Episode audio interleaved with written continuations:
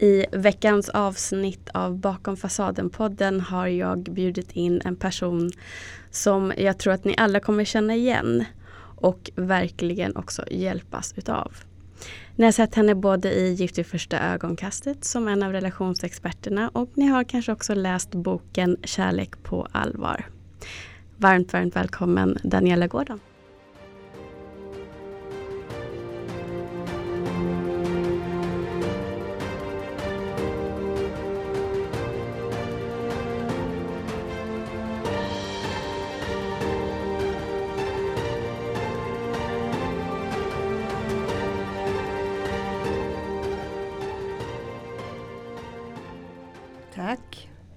Jättekul att du kunde komma. Mm, roligt att vara här.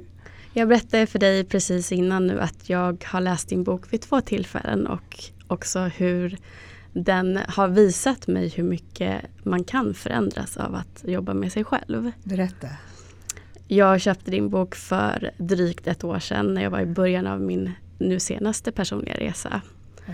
Och eh, upplevde att det var ganska triggande. Det var saker jag inte var redo för att se. Mm. Det var triggande i den meningen att jag kände att det här borde jag vilja titta på. Men det känns jobbigt och det känns som ett motstånd. Mm. Och eh, det blev kanske att jag tittade, blev irriterad och förstod inte var jag hittade känslan. La ifrån mig boken och började, höll på sådär ganska länge. Mm. Medan nu när jag ett år senare läser den så har jag kunnat läsa och få bekräftelse också på hur långt jag har kommit. Men också att den resonerar så väldigt mycket med de tankar som jag själv har kommit fram till. Eh, och är ett otroligt bra verktyg. Mhm, vad roligt att höra. Mhm. Ja, så det, jag tycker att den är eh, som sagt den heter ju Kärlek på, på allvar. Mm. Och den vänder sig både till singlar och par vilket Mm. jag också tycker är väldigt bra. Ja. Så att man kan använda både när man är singel och faktiskt har bestämt- bestämt sig för att nu vill jag vara i en sund relation. Hur når jag dit? Och sen när man är i en relation. För att den täcker ju både från när man hittar sig själv, hittar vem, vad man behöver jobba på och sen när man stöter på vissa personliga problem i relationen. Mm. Eh, Jag brukar säga att även de som eh, redan lever i en relation eh, att de ska läsa del 1 i boken för den handlar väldigt mycket om självkärleken för det är ju Mm. den som leder fram till relationen. Och många som lever i relationen har inte så bra självkärlek. Det är kanske därför relationen har problem. Mm. Och därför säger jag, läs hela boken även när ni lever i relation. Men övningarna däremot använder man i del två när man lever i relation och del ett när man är singel. Mm. Mm. Och övningen tycker jag också att det är viktigt kanske att göra om och om igen med jämna mellanrum. För det är viktigt att påminnas också även om man gör ett stort jobb och kanske som jag går i terapi Mm. får mycket insikter och ser sina mönster Mm. så är det ett pågående arbete hela tiden. Alltid, livet ut. Ja, Vi terapeuter vi går ju också och, och pratar med andra terapeuter då och då. Eh, att växa tar aldrig slut om man vill växa. mm, Det finns alltid saker men det är klart att det blir mer och mer subtilt med åren. Eh, man kanske bara jobbar med en specifik eh, problematik som har dykt upp. Därför man har gjort grundarbetet. Det är den stora skillnaden. Mm. Men det tar ju aldrig slut. Vi drabbas hela tiden också av nya ut, utmaningar i livet. Mm. Mm. Och man tänker just på det här som jag möter ofta. Folk som både skriver till mig, många som följer mig på Instagram och också folk som lyssnar på podden. Jag märker att målgruppen är mellan 35 och 65. Men även om den, det kan tyckas brett så kämpar vi med samma saker allihopa. Ja, ja. Och det är ju främst det här att vi kan ha en historia med osunda relationer, bestämt oss för att nu, nu får det vara nog. Nu vill inte jag leva så här längre. Mm. Men hur gör jag? Mm. Hur börjar jag? Var börjar jag någonstans? Mm. Och jag tänker att det måste du också träffa många som har det i din praktik. Ja, och framförallt efter, jag har ju hållit på med terapi i 42 år. Mm. Eh, men efter jag var med i Gift och efter jag skrivit den här boken så kom ju väldigt många för just för att de har kärleksproblem. Men det intressanta är att jag har kommit på att efter 42 år med terapi så handlar det mesta om problem med kärleken. problem med självkärleken, problem med parrelationen, med kärleken och problem med att hitta kärleken när vi singlar. Så väldigt mycket handlar om kärlek. Mm. Eh, så är det. Vad skulle du säga ändå med så lång erfarenhet känner du är specifikt dagens samhälle problem om man ska jämföra med för 10-20 år sedan? Märker du stor skillnad med att det blir så stort med sociala medier, datingappar? Jag tycker det är en helt annan psykologi. Eh, förr var det mycket mer, eh, alltså folk hade ju inte lika mycket ångest. Ångestnivån har ökat något kolossalt. Bekräftelsebehovet har ökat något kolossalt. Eh, vi knarkar ju på våra mobiler och eh, får dopaminrusher varje gång vi får en, eh, en eh, like. Eh, så många människor har abstinenser när de inte håller på. Och det triggar all annan tycker jag form av beroende. Att många, det är många som tvångar, det är många som blir besatta, hoppar in i osunda relationer för det ska hända saker. Det, det, det ska vara så mycket Eh, vi ska ha starka upplevelser, vi lever i en stark, stark mm. upplevelsekultur. Och det ska vara starka känslor och vi känner så mycket. Och, alltså det är på en helt annan nivå än vad det var förr. Det var, det var eh, helt andra problem. Det var mycket mer eh, det handlade inte alls så mycket om hur vi hela tiden eh, det är, det är det sociala media som har kommit in mm. eh, och, och, som skapar en helt ny verklighet helt enkelt. Så, så är det. Det känns lite som det jag hör är att vi har gått lite vilse med vad vi egentligen söker.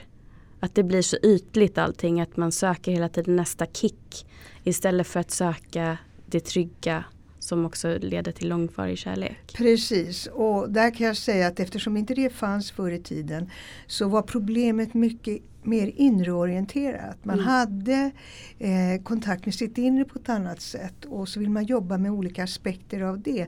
Nu är det mycket mer det här med stress och eh, dålig självkänsla och det är utbrändhet och det är så det går så fort allting mm. och det ska vara så starka mm. upplevelser som jag sagt. Det, det, det är något helt annat. Väldigt mm. mycket oro. Mm. Ja, men det är ju så hela tiden. När, jag tror också det här uttrycket fear of missing out mm. blir också väldigt påtagligt när man hela tiden kan ha connection med med omvärlden genom ett enkelt knapptryck istället för att man faktiskt måste ge sig ut där. Mm. Men jag upplever också någonting nu efter den här coronatiden när vi har varit mer isolerade. Mm. Att vi börjar ändå tänka efter på ett annat sätt och börja sakna det som var innan. Mm. Och det är ju jättebra att vi har saktat ner. Nu handlar det bara om att att se att om sex månader kanske vi ska ta igen allt vi har missat och då kan det bli precis mm. lika hysteriskt igen och ännu värre. Vi vet inte, vi får se. Mm. vi får se. Ja, det är omöjligt att veta nu hur det kommer se ut. Jag hoppas bara att folk kommer ändå ha i åtanke och ha skapat nya vanor ja. som kan få följa med även ja, in i framtiden. Eh, men, men för att återgå också till till boken någonting så tycker jag, som jag tycker resonerar med mig främst också det som du nämnde nu att det har mycket med självkärlek och eh, att vara autentisk att mm. göra. Där kan jag säga att det har ju hjälpt mig personligen att börja tänka så och börja söka mm. efter vem är jag och vad behöver jag? Mm. Och därmed också söka vem behöver jag? Vilka egenskaper i mannen behöver jag? Inte vad jag är van vid att jag vill ha. Nej. Eh, vad du pratar om nu är det som är så otroligt viktigt. Det är att du, nu börjar du fungera inifrån och ut mm. istället för utifrån och in. Det är ju det som är dilemmat i, i dagens kultur, att vi, vi fungerar utifrån och in. Vi tänker, vad får jag mest bekräftelse av? Vad får jag mest likes av? Och så går vi där och, och, och har massa åsikter om vad, vad, vad omvärlden vill ha. Och så anpassar vi oss efter det. Fast det rimmar väldigt, väldigt dåligt med våra egna djupaste behov. Det fungerar inte i längden. Nej, det skaver ju inombords. Det är det som och så känner vi inte efter att det skaver. Då går man omkring med en olustkänsla och en mm. ja. känsla av att vara malplacé och inte veta mm. varför. Varför känns inte den här lyckan? Mm. Precis. Och sen har du en bild av vad lyckan ska vara som inte stämmer så du springer och jagar hela hela tiden efter någonting Ja det är. Hollywood, jag brukar säga tomteblås och Hollywood därför att vi i och med att vi lever så mycket i en digital kultur och knarkar på det så är det hela tiden eh, det människor visar upp. Jag säger visar upp, Mm. inte visa sig. Det är jättestor skillnad. När man visar upp sig så vill man ha bekräftelse. När man visar sig så är man inte alls intresserad av bekräftelse utan man, vill, man ger och man tar emot. Mm. Det är ett ömsesidigt givande och mottagande. Det är, det är någonting helt annat. Ja. Och, och i den här världen av eh, bekräftelse då är det ju det alla serier, det är alla filmer, eh, det är allt vi visar upp för varandra så det blir en slags falsk bild.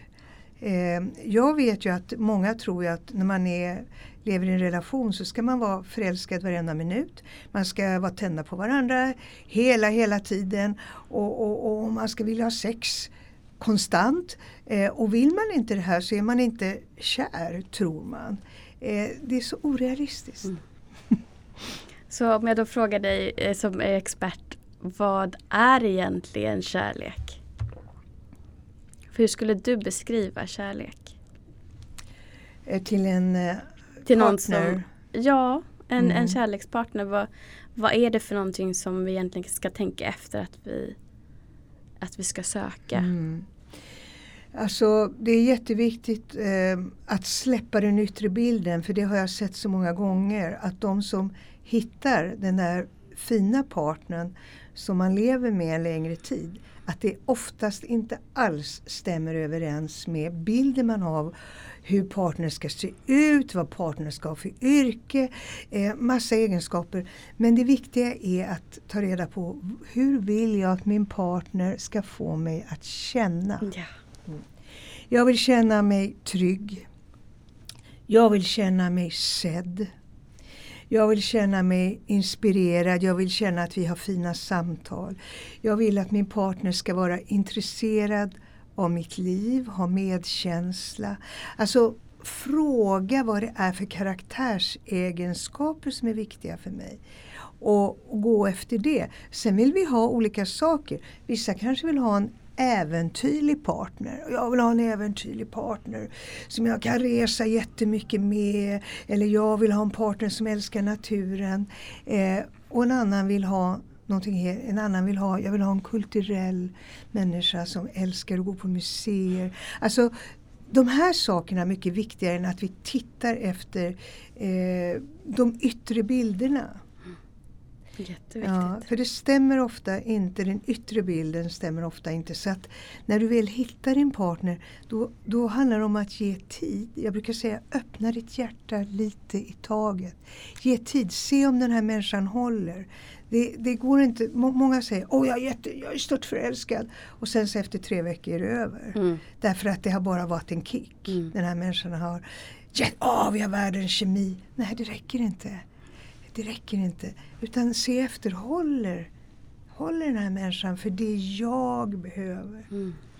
Eh, och så öppnar hjärtat lite i taget och sen då känner man, mm, det här fungerar nu. Mm. Så. Ja, och då tänker jag också att gör man på det sättet så märker man ju också att det får växa. Att det, det blir väldigt annorlunda från den här som du kallar tomteblosset. Den är en plötslig fysisk attraktion som man dras med i men faktiskt inte ser vem människan är under fasaden. Nej. Och kanske inte alls är kompatibla. Nej. Nej. Jag har ju ett exempel i, i boken, eh, Vera, Mm. eh, som var en klient som bara, väldigt stark, häftig kvinna eh, och som bara gick på eh, attraktion, det skulle vara häftiga, attraktiva män. Och, och det var ju, blev ju aldrig någonting för hon sa, nej men det här, det blir bara några gånger och sen så fallerade det för det var inga seriösa män. Och så sa jag, vad, vad vill du ha egentligen? Ja, egentligen vill jag ha någon som påminner om min pappa. Hur är din pappa då? Men min pappa är, är väldigt, han är en allvarlig, lugn, fin man. Då sa jag till henne, nu testar du att inte gå på attraktion. Utan gå på vad du får för kontakt. En riktig kontakt med den mannen du dejtar. Att det är ett fint härligt samtal där du känner en flow mellan er. Eh, och hon började göra det. Eh, och eh, efter ett tag, eh, hon gick hos mig i två år och jobbade ordentligt med det här. Så får jag ett sms, nu har jag träffat honom eh, och jag kände ju ingenting från början. Men vi hade den här flowen och jag bestämde mig för att ge honom en chans. Mm. Idag är, har de barn och lever ihop och det är hur lyckat som helst. Skriv upp det här nu alla som lyssnar för det där är extremt mm. bra exempel mm. på hur man kan vända sina mönster som inte tjänar en och faktiskt ja. hitta rätt person för dig. Mm. Det, jag ja. tror att det där är otroligt vanligt. Mm. Särskilt ja. här i Stockholm. Ja, absolut. Absolut. Ja. Nej, men alltså, I och med att vi lever så mycket mm, genom sociala medier, då, allting där är ju kickrelaterat. Och sen så tror vi att verkligheten ska vara sån också. Mm. Men om vi tänker efter, om vi bara tittar på våra vänskaper, långa riktiga vänskaper så är det ju människor. och det är ju inte så att våra vänner är perfekta. De har olika drag, det är saker vi tycker om, det är saker vi stör oss lite på. Men det är också viktigt att titta på vad är det för egenskaper jag letar efter hos en vän. Vad är det som gör att jag älskar den här människan? Mm. Eh, och då upptäcker man att det är liknande värderingar som man faktiskt letar efter hos en partner. Mm. Mm. Vad, vad fint att du säger det. Jag håller samtal på en app för kvinnor som heter Voicer. Och där hade vi ett samtal faktiskt den här veckan om vad är en sund relation och lite saker man kunde ta med sig som verktyg och tänka på. Där var det bland annat jag sa att om du dejtar någon och inte vet riktigt hur det känns Ställ dig frågan, skulle du vara vän med den här personen om det inte fanns någon fysisk attraktion? Jättebra. För att det är, det har, min närmaste vän, där har jag tagit henne som exempel fast jag tänker den relationen jag har med henne fast i en man med plus då sexuell attraktion såklart. Ja, ja. Att det är det jag vill ha lite som en målbild. Mm. Jag vill ha någon att skratta med, känna mig att jag kan vara helt autentisk, mig själv, mm. trygg, inte behöva pendla mellan stress av att någon inte hör av sig, inte vet var jag står, mm. inte vad han vill. Utan bara Nej, go with går, the flow. De som ghostar och bara försvinner, det går ah, bort. Ah. Eh, man har ju hittat ett begrepp eh, för detta, kanske, kanske mannen, vilket är jättebra. Det, det, det går inte. Eh, och det är helt värdelöst faktiskt att så många män klarar av att bete sig på det sättet. Och det är kvinnorna då som tillåter dem att bete sig, att komma och gå på det här sättet. Det är, vi, måste, vi kvinnor måste sluta och ge de här kanske männen en chans. Mm. Helt enkelt. eh, för eh, det, det, det är precis det här, eh, jag tänkte på det när du berättade det här, att det är, när du hittar rätt person så är det en känsla av att komma hem. Mm. Och när kommer man hem? Varför säger man komma hem? Därför att hemma är jag mig själv. Mm. Hemma slappnar jag av. Och hemma behöver jag inte prestera. Hemma är en slags zon där jag tar igen mig. Och mm. det, det, finns någonting vilande i att vara hemma, eller hur? Ja, där tänker jag också att det är viktigt att särskilja mellan en känsla av att falskt tro att hemma är det som är bekant. Jag tänker om man har till exempel trauma och osunda destruktiva relationer i bak i sin historia. Ja. Så kan man felaktigt känna att det här är så bekant så det, det måste vara att jag har hittat hem. Men att hitta hem är ju faktiskt att känna sig som du säger trygg och bara kunna vara. Ja precis, för det du pratar om det är ju en eh, igenkänningsfaktor som har att göra med destruktivitet. Mm. Destruktiva relationer, att du känner igen det och väljer det igen och igen. Och ja. Det är ju ett, ett negativt mönster som vi måste bryta. Men, men eh, det går ju att känna igen. Ja, här mm. kommer jag hem men det är samma miserabla mm. mönster jag upprepar. Det är inte att komma hem. Nej. Det är bara igenkänning och jag tror att jag är trygg i det men det är jag ju inte på riktigt. Nej, Nej, precis. Och också absolut har man varit i en destruktiv relation som har gjort en väldigt illa så tror jag absolut att det är viktigt att sörja det som har varit eller det man hoppats på och så vidare. Men också sen faktiskt ta ansvar för att det är bara jag som kan styra min lycka. Mm. Och vilka mönster jag väljer att upprepa. Mm. Jag kan skapa medvetenhet hos mig själv som faktiskt gör att jag tar till verktygen, jag tar till hjälp utifrån. Med någon som kan visa mig vägen för att jag ska kunna göra jobbet för att inte hamna där igen. Ja. Och där vill jag också upprepa det som du sa att det här med att man tillåter till exempel den här kanske mannen att komma och gå Mm. i sitt liv och andra destruktiva mönster. Hur hårt det än må låta, det är ju faktiskt du som tillåter det här. Absolut. För att du inte ser ditt eget värde. Mm. Och där måste man ta beslutet för att det räcker nu. Mm. Jag kommer välja att pausa dating och satsa på fokus på mig själv. För jag Mm. behöver se mitt värde så att jag inte hamnar där igen. Mm. Vi måste inse att förändring eh, är ansträngande. Mm. Vi är så rädda och det tycker jag är någonting i, i din generation. Eh, att vi är så rädda för, för att det ska göra lite ont. Ja. Eller att det ska kännas lite jobbigt. Vi ger upp för minsta motstånd och det anklagar jag min generation för som har överkullat våra barn. Mm. Eh, att det får inte vara jobbigt på något sätt, vi ger upp. Och, och därför kan jag uppleva, ja men ge mig nu fem tips vad jag ska göra. Och så två veckor senare, ge mig några nya tips. Och så tre veckor senare, ge mig några nya tips. Men alltså, jag ger dig tips för att du måste jobba igenom, du måste göra någonting Mm. själv. Det serveras inte, det är inte bara att plocka och stoppa i munnen som godis. Det är inte så lätt. Nej. Du måste anstränga dig. Förändring känns. Det gör ont men belöningen är värd all ansträngning. Eller vad säger du som har gått i terapi? Jag skulle säga att jag upplever att det är en stor föreställning om en smärta som faktiskt inte är så stor. Precis. Det, du har så rätt. Mm.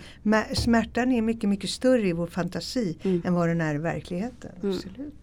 Och därför att det är någonstans där vi inte är vana att gå. Vi är inte vana att dagligdags exempelvis göra shadow work och se våra skuggor möta det som vi går omkring och stör oss på oss andra men inte vill se hos oss själva till exempel. Mm. Ehm, att möta våra rädslor som har varit min största eh, nyckel också till frihet ska jag säga. Men också det svåraste att möta rädsla för övergivenhet. Vad grundar den sig egentligen? Mm. Och är det verkligen så läskigt? Kan jag verkligen bli, bli helt övergiven i vuxen ålder? Ehm, och där inre, inre barnarbete, alltså sådana saker. Ja. Där man har en föreställning om att men går jag tillbaka till barndomen och börjar grotta där, det kommer vara jättesmärtsamt och det här kommer vara jättejobbigt. Det är inte så jobbigt Jag när man tänker jämför. Det är jobbigare att leva kvar i lidande av destruktiva och mönster som gör en illa. Absolut. Och jag kan ge en liknelse när, när jag jobbar med klienter när vi ska jobba med ilska. Mm. Och de då alltså ska få uttrycka sin ilska ordentligt och skrika. Vi har en, vi har en skriksession. Eh, och de är livrädda. Nej, men jag kommer bli så arg. De tror att de ska bli så arga så att de, de, de, de, de, kommer, jag menar, de vet inte vad som ska hända. Och så säger jag, jag, jag är inte rädd för din ilska, vi kör. Och så visar det sig att när de väl gör det så var det inte alls någon big deal. Det var inte alls så stort som de hade föreställt sig. och det är så med allting. Mm. Eh, när vi ska hoppa. Att det, det är ju rädslan för vad som ska hända är mycket större än, än, än det som faktiskt händer Mm. ofta. Så mm, precis så är det. Ja och sen också det här hur mycket man växer efter varje session när Mm. man har fått göra sådana övningar. Jag gjorde faktiskt det här fast jag trodde att det skulle vara så läskigt. Och att man klappar sig själv lite på axeln och, Mm. och växer några centimeter. Mm. Och det gör man ju hela tiden. Ja. Så jag tycker det är otroligt givande att också få se sig själv växa. Och få känna den här tryggheten växa inombords. Och faktiskt bli imponerad av sig själv, känna stolthet, känna kärlek och vördnad inför den man är. Mm. Jag tycker det är jättevackert och jag tjatar om det här i podden att våga göra det och satsa och investera i dig själv Mm. för att nå dit. Och det är inte självupptagenhet utan detta gör man ju för att man vill leva eh, leva, man, alltså, vi är ju själva hela tiden en gåva till, till samhället och till andra människor. Och vill du ge det bästa av dig själv då måste du också vara en bra människa. och, och, gå igenom alla blockeringar och allting som hindrar dig från att vara den här mm. eh, människan som du faktiskt vill vara mm. för din omgivning. Låt säga då att man har gjort ett arbete och faktiskt hittat en partner eller lever i en relation. Mm. Och jag vet att många kvinnor till exempel säger, och jag tror att du också tog upp det här i boken om jag inte minns fel, um, med att många fastnar lite i fel polaritet. Att det blir obalans mellan det maskulina och feminina, vilket vi alla bär på. Jag och du har ju också maskulint i oss till exempel. Mm. Men jag tänker att många kvinnor till exempel upplever att mannen är inte den här initiativtagande, ledande, trygga personen riktigt som, att, som vi kanske känner för att vi ska kunna blomma ut i det feminina. Mm. Alltså vad som har hänt, det har hänt en, en lite märklig förskjutning i, i Sverige. Jag tycker det är olika olika länder men i Sverige vad som har hänt är att kvinnor har blivit starka. Mm. Och eh, vi pratar mycket om jämlikhet och vi pratar om feminism och där har vi kommit långt i världen. Mm. Eh, och vi är också ett litet land. Det är mycket lättare i Sverige att ta till sig en, en trend och, och väldigt många kan anamma den. Eh, vad som har hänt är att den svenska mannen har blivit skrämd. Han vågar inte vara i sin eh, maskulina kraft. Därför att eh, då är han rädd att eh, den här starka kvinnan ska känna att han inte är feminist på, ja, inte på rätt jämlik. sätt. Va? Inte jämlik. Inte jämlik. Ja, okay. Så att då går han istället in i passivitet. Eh, jag har suttit med så många par, eh, 35 plus, eh, som har småbarn och familj. Och kvinnan är jättestark och mannen är sådär vag och diffus. mm. och, och, och de tapp, har ju tappat sexlivet ofta därför att eh, Eh, mannen vågar inte riktigt ta initiativ. Eh, han känner att han är kanske för burdus. Eh, och kvinnan säger nej ibland och då blir han känslig för det här nejet. Och så drar han sig tillbaka och sen så då så blir kvinnan, börjar, börjar kvinnan känna, men vad är det här för en en man som är som, är som en liten rädd pojke. Eh, och det blir, eh, jag, jag, får hela tiden arbeta med att lära mannen men stå i din kraft och han blir väldigt förvånad när den här feministen sitter och säger men jag vill att du bara vara stark och eh, veta vad du vill med mig när det gäller sex till exempel. Eh, och här talar vi om på ett mjukt sätt men en, en, en man som vågar vara i sin, eh, i sin maskulina kraft. Så mm. att kvinnan kan vara i sin feminina kraft. Men det är ju också det, där behöver vi kvinnor våga vara i, i, i den mo, lite mer mottagande eh, i, i, en mjukhet också så att mannen kan stå, vågar stå i sin mm. maskulina kraft. Men om kvinnan är för mycket i, sin, i sitt testosteron och mannen för mycket i sitt östrogen, om ni förstår vad jag menar. Mm. Eh, så blir kvinnan för dominant och mannen blir för eh, passiv.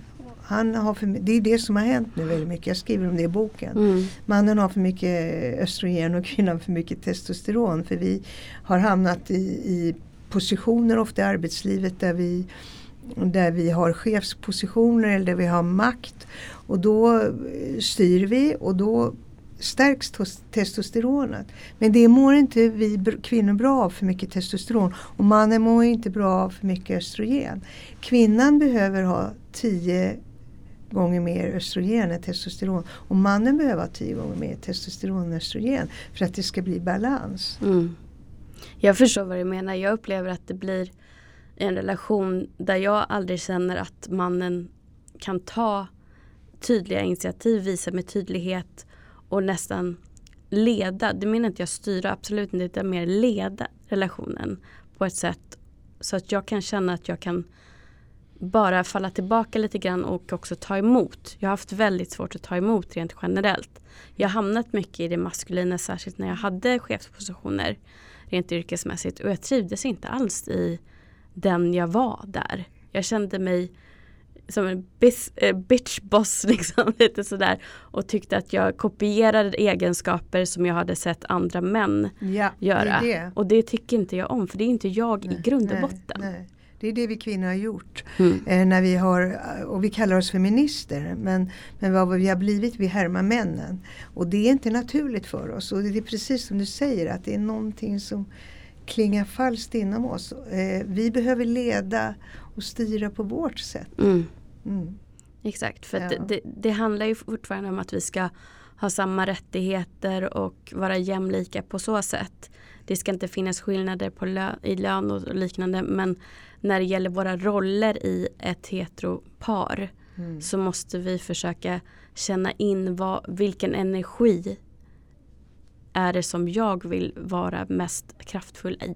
Mm. För att det ska skapas en bra polaritet. Ja, och det härliga är alltså att när det där flyter på bra då är det ju inte så att kvinnan alltid är, eh, är mottagande i relationen utan hon kan också Mm. gå över och vara hon. Alltså för vi har ju det maskulina och feminina inom oss. Mm. Så ibland är det jättehärligt när kvinnan går in i, i maskulinitet och när mannen går in i femininitet.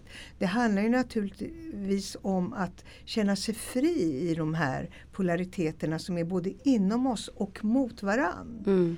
Eh, då flödar det. Men när vi, när vi fastnar och att det bara blir på ett sätt, då, det är då vi inte trivs. Mm. Jag tycker faktiskt att eh, jag hade ungefär för ett år sedan Elina som också har varit med i Gifta vid första ögonkastet som gäst. Och jag tyckte att hon beskrev det så bra att hon sökte någon där de kunde växeldra. Att de turades om att vara den drivande. Ja, Det tyckte jag var väldigt ja, eh, ja, inspirerande. Absolut. Ja, ja. Eh, jag tänkte just med polaritet pratar vi om till exempel att det behövs också för att skapa attraktion. Mm. Vad skulle du säga är andra saker som man kan ta till sig som verktyg just när det gäller att skapa en intimitet utan att öppna sig för fort? För jag tror också att det är också ett vanligt problem i samhället just nu. Jag tänker också på exempelvis de otrygga anknytningarna, ambivalent till exempel, att de kanske öppnar upp lite för tidigt i en relation för att försöka skapa närhet. Men att det då inte blir en närhet på ett tryggt sätt för att det kommer lite för fort. Man har inte hunnit skapa den intimitet Mm. som ändå byggs på på ett tryggt sätt.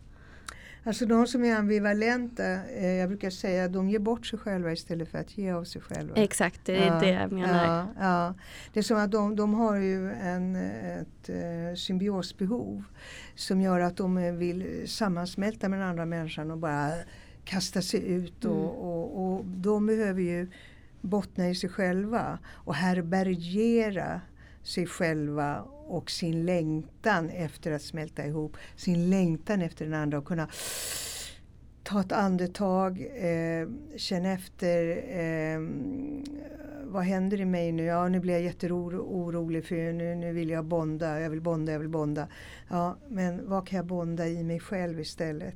Eh, leta efter din inre trygghet, leta efter barnet i dig. Mm. Det finns ett barn i oss alla. Mm. Se framför dig, jag har ju övningar i boken där du möter ditt inre barn. Eh, hur, ser, hur känns ditt inre barn? Och så ser du en bild av ditt inre barn som kanske är, är otryggt. Och, och sen tar du det här barnet i handen och så mm, jag stannar i mig själv här. Mm. Eh, och när det gäller anknytning så är det ju motsatsen till det man vill göra.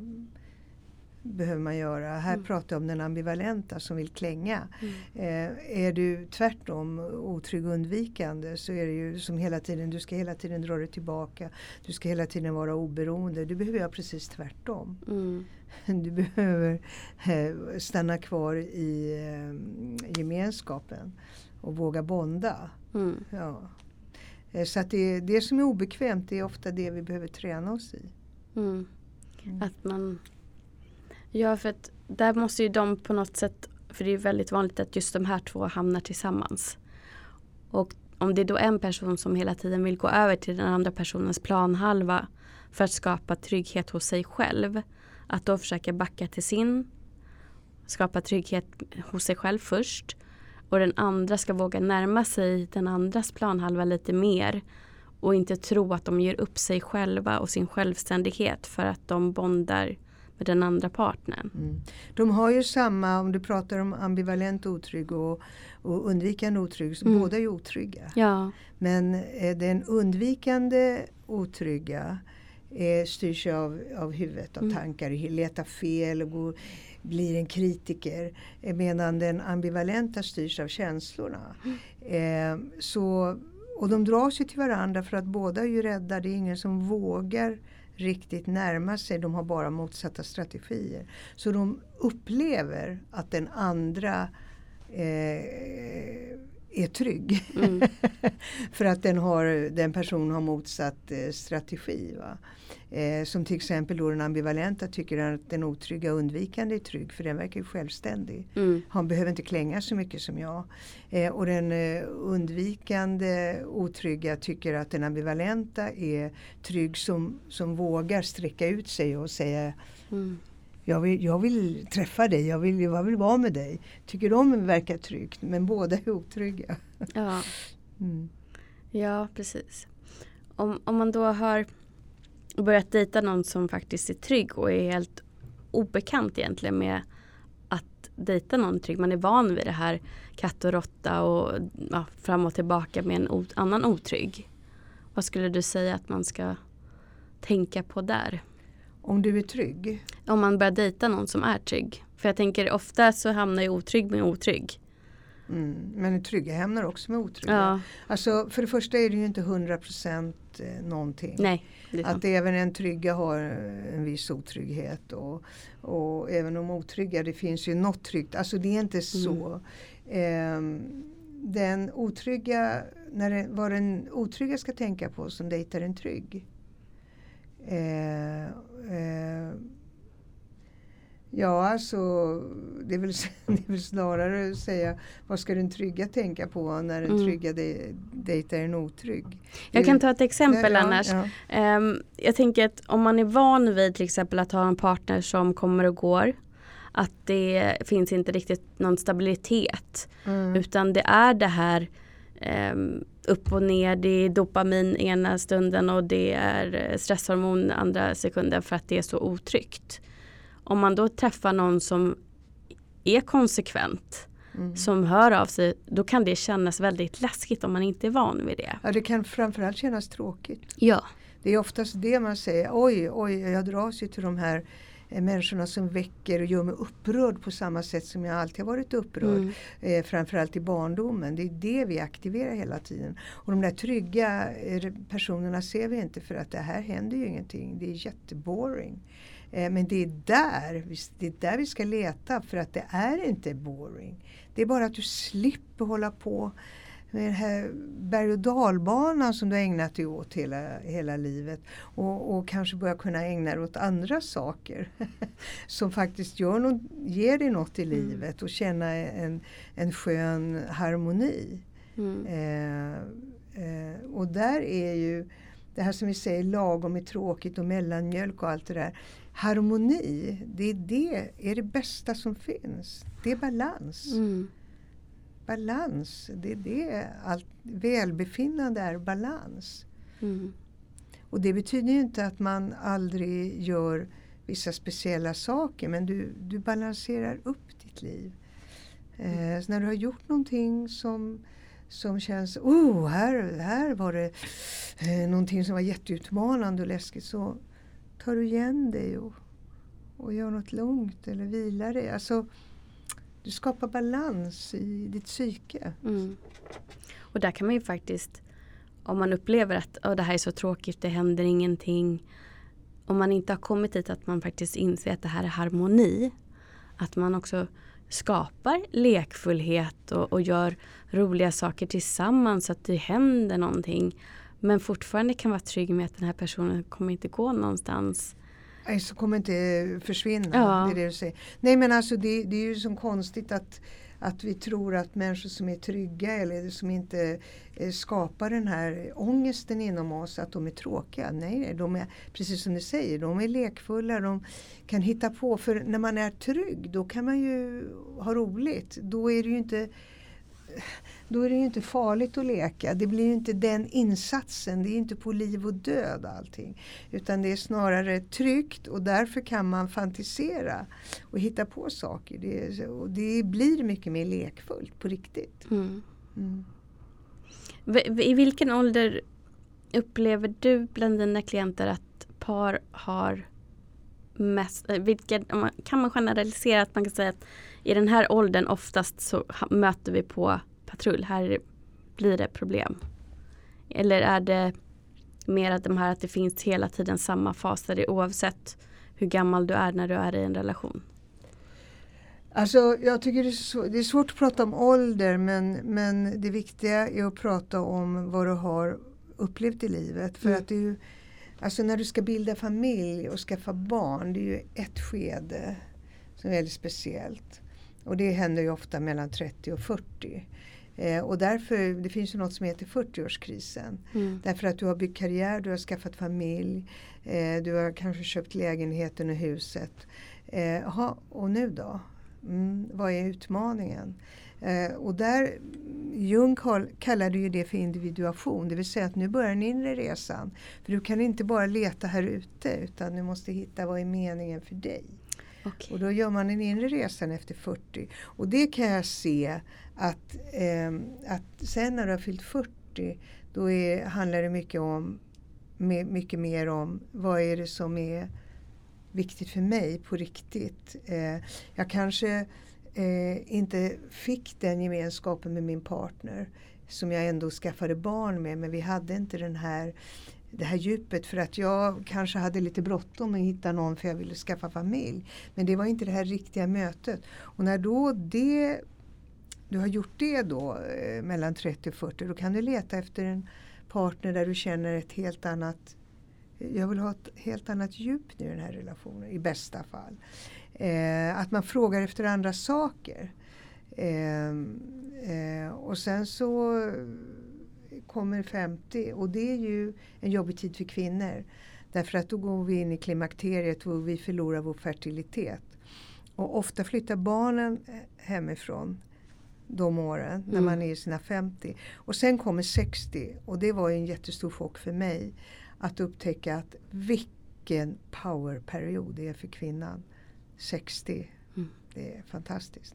Eh, jag tror framförallt för kvinnor just för att hela, allt det här med klimakteriet är över. Och barnen har flyttat hemifrån och då kan man uh, realisera sig på ett och verkligen göra det som man känner, vad är det jag vill göra nu med mitt liv?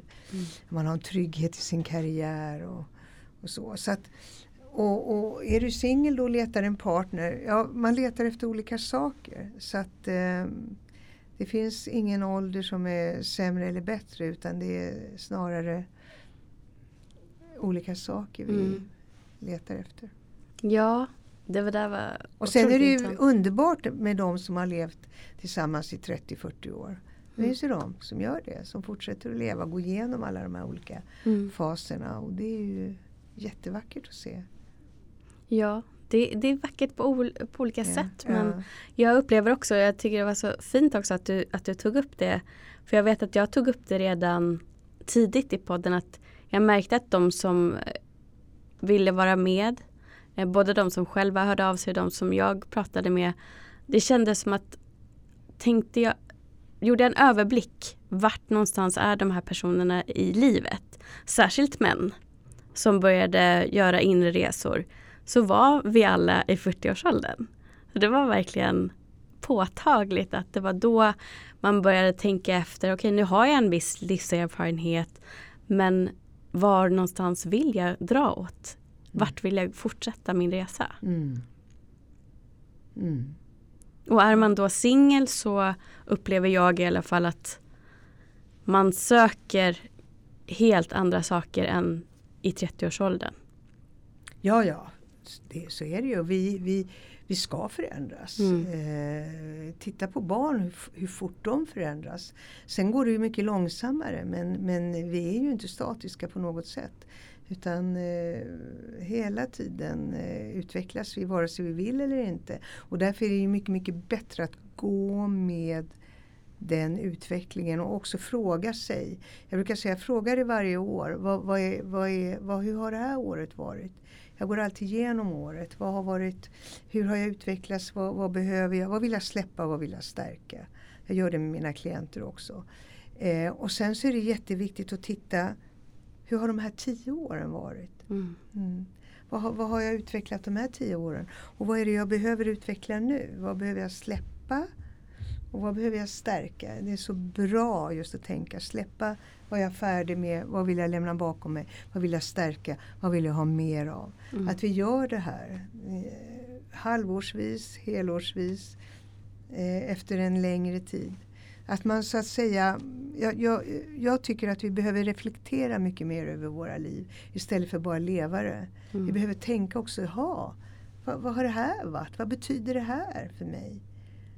Eh, för om vi inte reflekterar då, då lever vi bara på och ackumulerar inte kunskap om oss själva.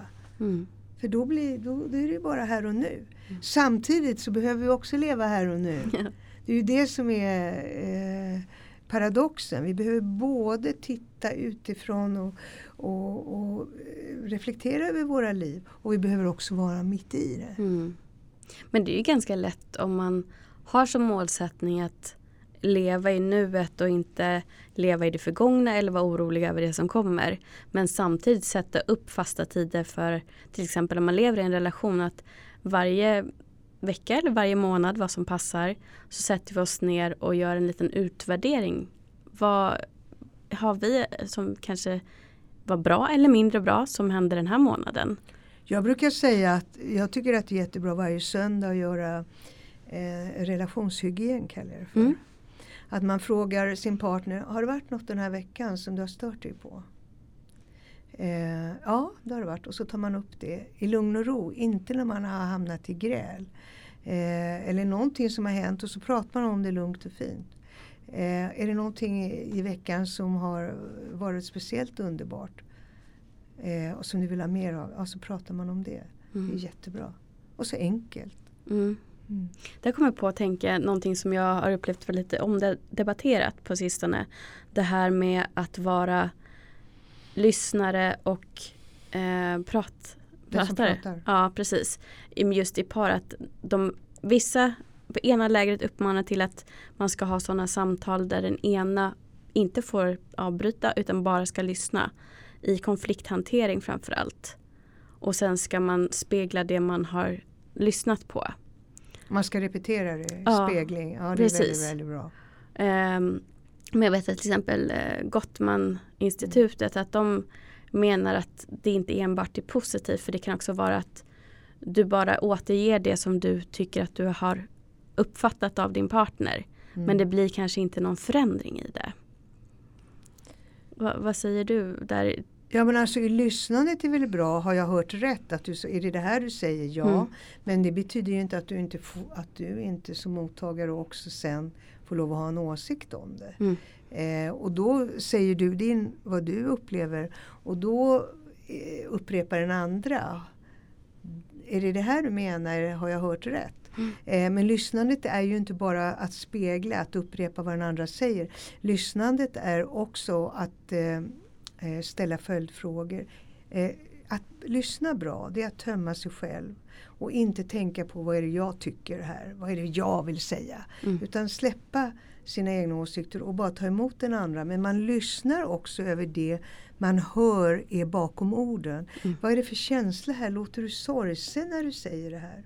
Och då säger du det. Eh, eh, jag- hör att du låter sorgsen eller eh, jag, jag hör en längtan här. Att man lyssnar också känslomässigt. Man är helt upp, upptagen av vad den andra berättar. Mm. Du tittar på kroppsspråket. Eh, Jag ser hur du låser dina käkar när du säger det här.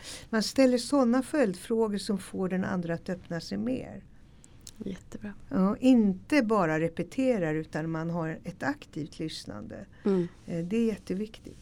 Och sen så är det jättebra att spegla för att säga har jag hört rätt? För då säger den andra nej, det var inte det här jag sa, jag sa det här. Ja, mm. Det är viktigt. Mm. Mm. Jättebra. Ja. Tack för att du förtydligade det. Ja. Mm. Eh, men apropå par så har ju du också en podd som heter Kärlek och terapi. Mm. Som har varit jätteintressant att lyssna på. Ja, vad roligt. Och tack och lov så kommer det en ny säsong snart. Ja, vi håller på att spela in säsong två nu. Ja, det ska bli jättekul. Ja, Och eh, du behöver fler par där helt enkelt. ja alltså det, om, om ni är par som vill ha hjälp eh, så eh, kontakta, eh, skriv till contact på engelska med C, contact at soundtelling.com soundtelling.com eller så kan de ju kontakta dig Mm. och så Så förmedlar jag vi, ja, så kontakten. förmedlar du. Eh, det är gratis. Eh, ni har fingerade namn. Mm. Eh, ni har era naturliga röster men vi avslöjar inte eh, yrke eller var ni befinner er. Så att det enda som kan hända är att några känner igen era röster men det är kanske inte så många. Eller så är det inte så farligt. Mm. Så är det. För att det, det blir jättekonstigt om man eh, förvränger rösterna. Det finns ingen eh, intimitet i det. Mm.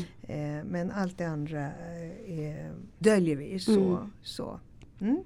Ja, och det, det tycker jag verkligen att ni ska ta chansen att göra för att det, det är ju som sagt en, det är som en gratis terapisituation Ja, som du får Mm. när du får verktyg och du får proffshjälp. Mm. Eh, och det är ju faktiskt ett jättefint verktyg också för relationen att Mm. ta den här investeringen. Även om man gör det privat och, och betalar för det så är det ju verkligen Ja, någon ja. tycker jag enorm skillnad. Ja. Bara för att också synliggöra det som du kanske inte kan sätta ord på själv. ja, och jag ser en helt ny trend nu för tiden är att par söker ju mig när de eh, inte har varit tillsammans särskilt länge.